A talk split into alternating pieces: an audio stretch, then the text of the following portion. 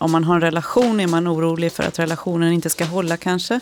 Om man inte har en relation så undrar man, om jag träffar en ny partner, hur ska jag göra då? Ska jag börja på första dejten med att berätta att det här kan bli ett problem eller ska jag vänta och se vad som händer?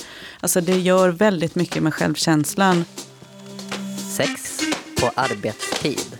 Sex på arbetstid. Sex på arbetstid. En podd om SRHR för dig som jobbar inom vården med Jenny Fessé och Elin Klingvall.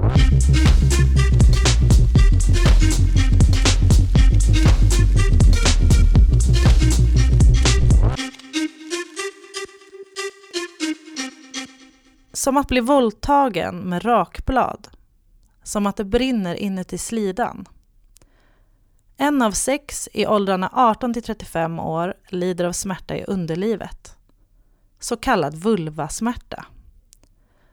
Ändå fortsätter många ha sex som gör ont och få söker vård. Varför är det så? Och hur ska vården bli bättre på att hjälpa? Med oss idag har vi två personer som jobbar på Närhälsans sexualmedicincentrum i Göteborg. Agneta Lundstedt är socionom och sexualrådgivare och Lena Schedekel är gynekolog och legitimerad psykoterapeut. Välkomna hit. Tack. Tack så mycket. Eh, vi tänker att vi kastar oss direkt in i frågan. Alltså, vad är egentligen vulvasmärta?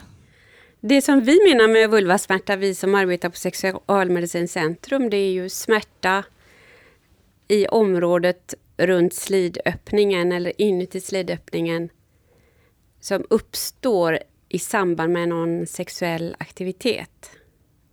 Sen eh, vulvasmärta i allmänhet kan ju vara många andra saker också. Vad då till exempel? Man kan ha ont i vulva för att man har ett sår, för att man har en infektion, för att man har fått en skada till exempel och många andra saker också. Men så den typ av vulvasmärta som ni jobbar med uppkommer bara alltså, i samband med sex? Nej, men de vi träffar har smärta i samband med sex eftersom vi träffar personer med sexuella problem här där vi jobbar. Men de kan alltså ha ont vid andra, i andra tillfällen också när de bär tajta jeans, cyklar eller så. Men, men eh, huvudorsaken, alltså för att söka sig hit, ska vara att man har några sexuella bekymmer eller frågeställningar. Hur märks de här problemen i en sexuell situation då? Det märks som en eh, svidande eller brännande smärta. Dels när någonting kommer nära. Sen kan det också vara så att man känner smärtan redan när man blir upphetsad. Eller när man tänker på att man ska hamna i en situation där man kan komma att bli upphetsad. Det är en skala där man kan ha olika grader av problem. Men ni möter personer som kommer hit för att de har ont vid sex helt enkelt? Ja, det stämmer. Och vad är det för typ av sex? All typ av sex skulle jag säga. Och, och som Lene sa, så handlar det, alltså dels handlar det om smärta, sen handlar det väldigt mycket om rädsla för smärta. För har man haft ont tidigare när man haft sex, eller har man haft ont i vulva i andra situationer eller så, så är man ju jätterädd för att släppa någonting nära eller för att ta, även för att ta på sig själv. Vi är ju skapta så att vi ska skydda oss själva mot all form av smärta egentligen. Och eh, det gör ju att eh, man, man kan bli väldigt rädd för att få ont. Om man till exempel någon gång har varit magsjuk och sen pratar någon annan om oj, i helgen var jag magsjuk då kan man ju nästan känna, oh hjälp, nu vet jag precis hur det känns. Alltså kroppen har ju ett minne eh, där den vet precis hur, hur det kändes. Där man har mm, varit med om en, en obehaglig händelse. Så att det handlar, om, det handlar om en rädsla för en smärta och det handlar om en faktisk smärta. Så när jag tänker på alltså smärtsamt sex till exempel så bara får jag ont? Det skulle, det skulle jag kunna säga att vi, vi kan förnimma eh, sådana smärtkänslor i, i sådana i såna situationer. Men att det också naturligtvis gör ont vid, eh, när man har sex. Sen eh, tror vi också att det är så att man får en, en spänning av musklerna i det här området kring slidöppningen. Och den muskelspänningen den kan komma väldigt hastigt som en reflex till exempel kanske om man tänker på sex. Och den spänningen i sig framkallar den här smärtan.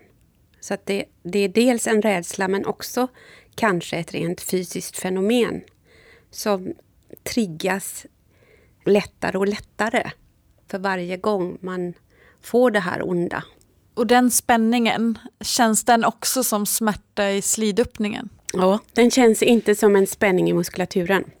Den känns som en svidande smärta och ibland också som en knivskarp smärta i slidöppningen. Men jag undrar över, ordet vulvasmärta. För mig är det liksom ganska nytt. Jag har inte hört det så länge. Man har ju pratat mer om så här, vaginism och vestibulit. Så här, könet brinner. Vestibulit var ett uttryck som var väldigt använt tidigare och som vi som jobbar med detta försöker gå ifrån. Det finns också en internationell eh, organisation som sysslar med smärta i det här området som har gått ifrån uttrycket vestibulit. Vestibulit, ändelsen it, tyder på att det är en inflammation eller kanske till och med en infektion. Och det låter också väldigt statiskt, som att det är ett, någonting man har och som man går omkring med jättelänge. Eh, så att vi vill inte använda det uttrycket för att det, det är ett felaktigt uttryck. Man har inte en infektion i det här området. Man har inte en inflammation heller i den bemärkelsen som eh, många inflammationer är, att det är massa vita blodkroppar som kommer till ett visst område och så. Man har någonting som heter neurogen inflammation som är väldigt speciellt och som innebär att det blir väldigt många små nervceller i slemhinnan som reagerar på ett speciellt sätt. Det är det ena. Det rent eh, professionella uttrycket för det här nu, det är lokaliserad provocerad vulvodyni. Och vulvodyni betyder vulvasmärta, men det finns alltså förnamn till det här då. Och det betyder att du får ont just vid beröring och på ett speciellt ställe. Sen är vaginism, som du också frågade om. Vaginism är en muskelanspänning i, strax innanför slidöppningen som kan vara mer eller mindre stor. Det kan vara helt stängt eller lite grann. Och vaginism gör ont. Och vaginism kan man få för att man har ont redan från början. Så blir det här en reaktion på det onda, så det blir dubbelt ont kan man säga. Som jag förstod rätt eh, så den här vulvasmärtan vi pratar om, det är liksom massa små nervceller som har en inflammation. Ja, som har en speciell slags inflammation. Okej. Okay. Och vaginism, det var liksom en reaktion på smärtan som gör att man får dubbel smärta? Precis. Och vaginismen kan vara kvar när den första orsaken till det onda är borta. Och den känns som en svidande smärta också. Hur vet man då vad som är vulvasmärta och vad som är vaginism? Du får vulvasmärta om du har vaginism. Därför att du får ont i området kring slidöppningen när du har vaginism. Sen kan du ha ont i det området utan att ha vaginism. Okej, okay. men hur ser en typisk patient ut? Agneta? Eh, jag tror att vi är rörande överens om att det finns ingen typisk patient. Hit till oss kan man ju komma från det att man är 23 år och uppåt. Så att eh, de vi träffar det är olika individer, olika personer som har varit med om olika saker i livet och har olika ålder. Så att det, det går inte att säga att aha, nu har vi en sån här typisk patient igen. Vi läste en forskningsstudie eh, av Johanna Ekdahl och där har man sett att 50 procent av de som anger att de har haft långvarig smärta söker aldrig ens vård. Vad tänker ni om det? Jag tror att det finns flera olika orsaker och eh, en orsak är nog att man inte kanske inte riktigt vet vart man ska vända sig. En annan orsak är att man har sökt hjälp på flera ställen och inte blivit hjälpt. Och sen eh, en tredje orsak tror jag är att det här är ganska tabubelagt. Alltså dels så vet man kanske inte om att det inte bara är en själv som har det här problemet, utan eh, det är tabubelagt för att det handlar om, om vårt kön och det är väldigt intimt. Och vem ska man gå och prata med det om? Det, så det, det tror jag. Det är flera, flera anledningar. Okunskap också.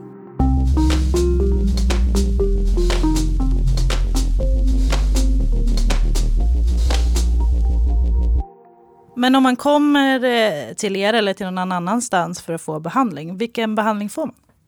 Eh, om man kommer hit till vår mottagning så, så börjar det med att nästan alltid att man får träffa en av våra gynekologer som pratar med patienten och efter en, ett samtal även undersöker patienten för att se hur det ser ut i underlivet vid vulva. Finns det en, en orsak till den här smärtan och vad kan den komma sig? Du kanske ska beskriva det, Lena? Mm. När jag träffar personen så ofta handlar det om personer som har sökt tidigare hos andra eh, läkare eller på andra enheter och eh, som har upplevt undersökningarna många gånger obehagliga eller smärtsamma just därför att man har ont. Och då är det inte säkert att jag undersöker vid första tillfället. Utan vi kanske behöver träffas en gång till eller kanske ibland flera gånger innan det är dags för undersökning. Och då gäller det ju vid undersökningen att i första hand ta reda på att det inte handlar om andra saker som vi var inne på förut. Att det inte finns förändringar i området. Det kanske finns en, en, eh, en anatomisk förändring, alltså någonting som man har med sig sedan födelsen som gör att, att det gör ont eller att man har sår eller äh, ja, andra saker. Så att det gäller att utesluta sådana saker. Och sen kan jag också, när jag känner försiktigt, känna efter om det finns en tendens till sån här anspänning i muskulaturen. Och, och när den känns, då brukar den jag undersöker säga nu svider det, eller nu känns det sådär. Och då blir det mer eller mindre ett facit på att det rör sig om en sån här muskelanspänning. Och vad gör du då? Då talar jag med den personen om detta och också hur vi ser på det här. Att av någon anledning så har det utvecklats en spänning i muskulaturen. Och vi tror att det är bra för den här personen att förstå det och kanske komma till rätta med hur den här spänningen har uppstått och att få hjälp med den dels av en fysioterapeut och dels av en samtalspartner, eh, en terapeut alltså. Så både en gynekolog först och sen en fysioterapeut och en psykoterapeut? Ibland kan det se ut så. Eh, ibland bara någon eller ett par av dessa och inte sällan så räcker det med ett informerande besök faktiskt som gör att det räcker för patienten att bli bra, att patienten förstår vad det handlar om och också förstår vad vederbörande ska undvika för att inte få ont. Vad ska patienten undvika? Patienten ska undvika det som framkallar smärtan. Patienten ska undvika att ha smärtsamt sex, vilket jättemånga personer har. Blir man frisk bara av att undvika det som gör ont? Man kan bli frisk av att lära sig att ha sex på ett sätt som inte gör ont. Av att försiktigt försöka själv eller tillsammans med sin partner ha sex på sätt som inte gör ont. Det är ganska många av de här som vi träffar som är väldigt duktiga på att bita ihop. Um, för man, man tror att det ska vara på ett visst sätt. Man vill inte göra sin partner ledsen eller besviken. Eller sig själv ledsen och besviken. Så att jag tror att väldigt mycket handlar om Dels om man av läkare får höra att du ser helt normal ut i ditt underliv. Bara det kan göra att bra. Eller att man får höra att ja, jag ser här att det, att det ser eh, anspänt ut eller irriterat ut. Att man får, får reda på, eh, på det. Så det, den kunskapen tror jag man behöver, men också att, att man får lära sig. Och då krävs det många samtal ibland, att man ska lyssna på sig själv. Man ska gå på, på sin egen känsla och försöka bli duktig på det. Att känna efter hur man själv vill ha det. Och jag tror också det, det Lene eh, beskriver här, att alltså lite grann börja från början när det gäller sex. Att man ska eh, fundera på vad man själv vill ha och, och göra det i den takten som man vill. Att eh, utforska sig själv. Gärna ha egen sex för att se vad man, vad man trivs med och tycker om. Eh, och släppa in sin partner om man har en partner. Så kanske man kan ha det där sexet sen som man inte kunde ha från början. För att det finns, det finns ofta en rädsla att jag kan inte ha någon slags sex överhuvudtaget nu. Men att våga lita på det, att jo, det kan du. Men, men du får utforska långsamt. Och är det så att det gör ont, stopp, då gör på ett annat sätt. Hur börjar det? Kan det hända mig imorgon? Hur, hur funkar det? Min erfarenhet är att för väldigt många så har det börjat med någon form av smärta tidigare. Man kan ha gjort en jobbig undersökning. Det behöver inte vara en gynundersökning utan det kan vara eh, det området av kroppen överhuvudtaget. Man kan ha haft urinvägsinfektion, svampinfektion. Man kan ha varit utsatt för övergrepp. Man kan ha varit, haft sex som man kanske egentligen inte ville. Och det kan också finnas med hos en del att de har haft sex som känns skamligt på något sätt. Alltså man har haft sex som man kanske själv tycker att det där borde jag inte. Och där, där finns det ju jättemycket som man kanske har med sig sedan tidigare. Vad för slags sex får jag ha? Vad är okej och vad är inte okej? Även om man vill det så kommer skamkänslor in. Det kan också göra att man spänner sig i, i vulva och så är man inne på den banan lite grann. Och jag tänker också på det här med lust. Att lust och upphetsning. Lust är ju det vi känner och upphetsning kanske man mer menar det som händer i kroppen. Eh, alltså lubrikation. Det blir vått. Massa körtlar som producerar sekret. Det blir också en kudde, en liten blodfylld kuff precis vid slidöppningen som dämpar själva eh, om man sysslar med stötar eller vad det nu är, för det är ganska stora krafter Eh, i samband med sex. Och slidan utvidgas i sin övre del. Allt detta sker i samband med upphetsning och det behövs för att sex, slidsex ska kunna praktiseras utan smärta. Om då den här reflexen lust-upphetsning blir störd, det kan gå jättefort, det kan gå på en millisekund, så försvinner lubrikationen, den här kuffen faller ihop och då gör det ont. Och det kan räcka med att man snuddar vid tanken att jag kanske inte borde detta eller vill jag detta?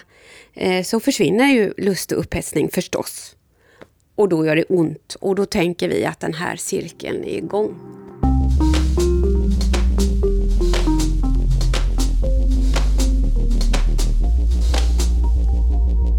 Varför är det så många som fortsätter att ha sex då, trots att det gör ont? Ja, det är en, en jättebra men väldigt komplex fråga för att det, det får man nästan gå till varje individ för att få reda på. Det handlar ju om eh, självkänsla, det handlar om bekräftelse, förväntningar. Rädsla för att bli övergiven. Personer har tankar kring partnern och vad partnern skulle tycka. Och också en önskan att i första hand se till partnerns tänkta behov. Träffar ni partners också i er behandling? Ja, det gör vi. Om den som, den som har vänt sig till oss tycker att det är okej. Okay. Jag brukar i samtal föreslå det, för att det är lätt att det blir spekulationer. Man tror, jag tror att min partner tänker så här eller tycker så här. Då är det väldigt bra om man kan få med den personen i rummet. Om, om min patient eh, tycker att det är okej. Okay. Det är alltid liksom på uppdrag av patienten. Eh, och det tycker jag oftast är väldigt eh, givande för, för alla. För den partnern har ju ganska ofta mycket tankar och funderingar på hur ska, det, hur ska man bete sig för att eh, man vill inte skada sin partner. Det är väldigt lätt att eh, när man har ont, då resulterar det i undvikande, att man inte har något sex överhuvudtaget till slut. Och så ser inte vi att det behöver bli. Vilka råd ger ni till partners? Till både patienten och partners så, så uh, brukar jag alltid ge råd att man ska kommunicera med varandra. Inte tro att man är tankeläsare, även om man känner varandra jätteväl. Så är det jätteviktigt med kommunikation. Uh, fråga vad den andra vill. Det gäller bägge två. Och också eh, lita på att min partner säger till om det är något som jag gör tokigt nu. Så att man inte hela tiden ska behöva fråga hur känns det, hur är det? Utan att man har den tilliten till varandra, att man säger till om man önskar någonting. Vi hörde ju här att eh, det är många som inte söker vård. Men jag har också fått den uppfattningen att de som söker vård inte får adekvat behandling. Att man liksom valsar runt och söker eh, hjälp på flera ställen. Man kanske får så här, svampmedicin och lite mer så här, skickas hem och så här. Det är inte mer än en svampinfektion. Eh, känner ni igen det här? Absolut. Vi träffar väldigt många som har varit på många ställen. Och eh, många som har varit på många ställen hos bara ett besök på varje ställe. Och eh, då får man till exempel svampmedicin. Det kanske ser lite irriterat ut och vederbörande som undersöker tänker att det är nog svamp. Och vi tror att det handlar om dels okunskap men framförallt resursbrist. Därför att eh, det, det, behövs tid att förstå vad detta handlar om. Man måste verkligen ha ett fördjupat samtal med den som söker som handlar om alla möjliga saker, som kartlägger hela helheten kring det här problemet. Och man måste också ha tillgång till arbetskamrater som kan fylla i de bitarna som man inte själv behärskar. Så att eh, eh det krävs mycket för att kunna ta hand om dessa människor på ett bra sätt. Men om man inte har ett sånt team, en sån mottagning som ni har här på Sexualmedicincentrum med flera discipliner som kan hjälpas åt för att möta den här patientens behov. Hur kan man göra då?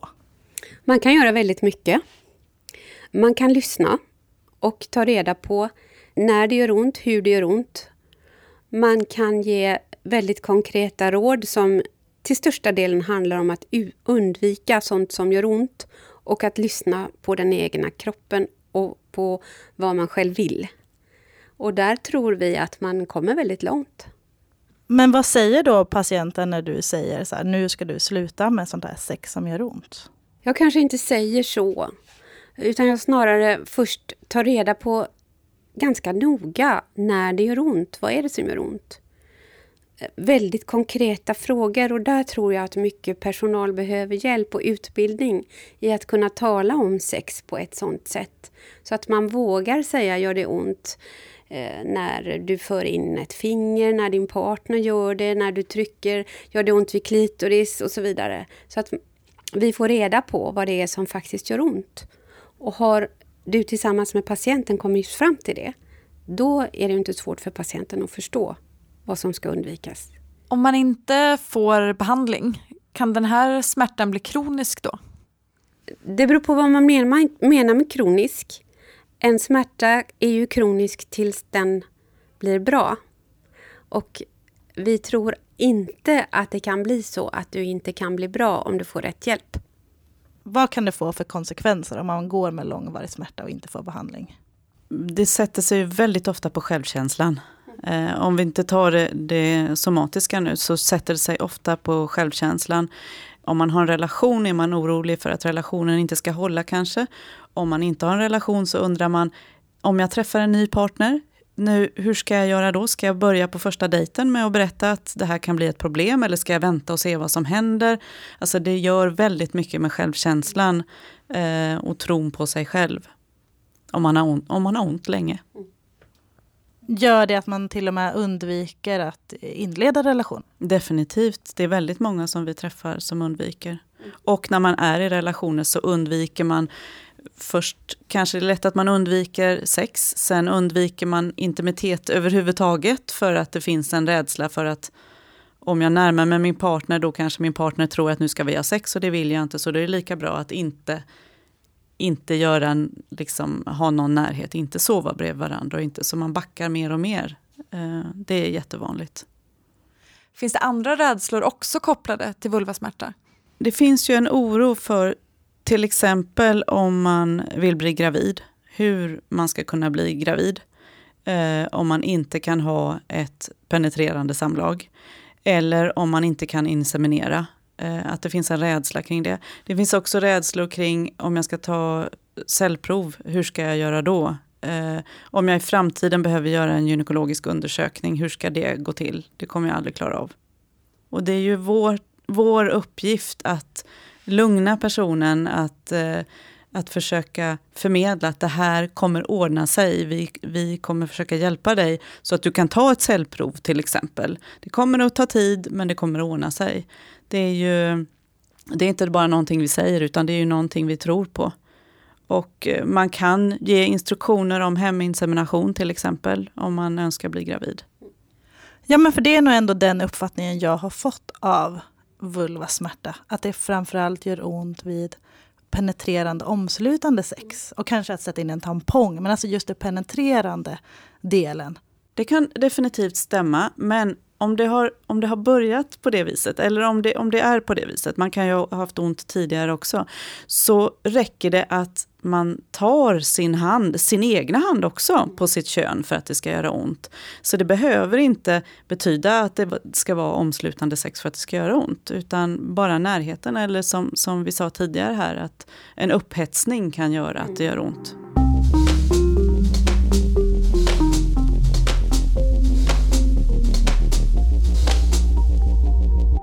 Skulle ni kunna ge tre tips till vårdpersonal som lyssnar på det här programmet?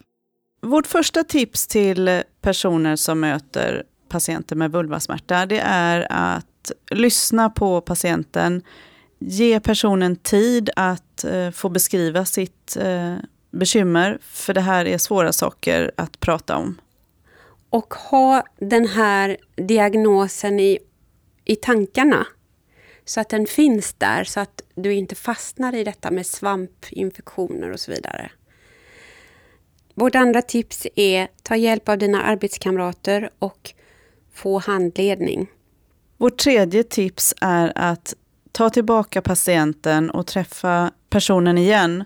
Ett första besök kan väcka väldigt mycket tankar och funderingar och det är viktigt att personen får komma tillbaka och prata om det som har väckts upp efter första besöket. Även om du inte har mer att erbjuda som du själv tycker, så betyder det mycket att patienten känner att den kan komma tillbaka till dig.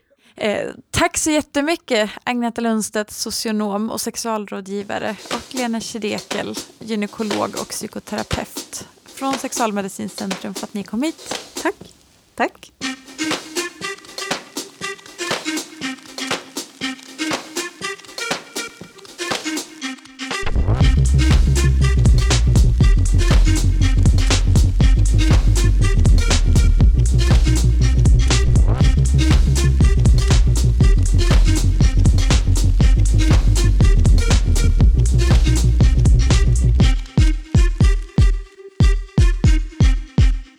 Hört Sex på arbetstid.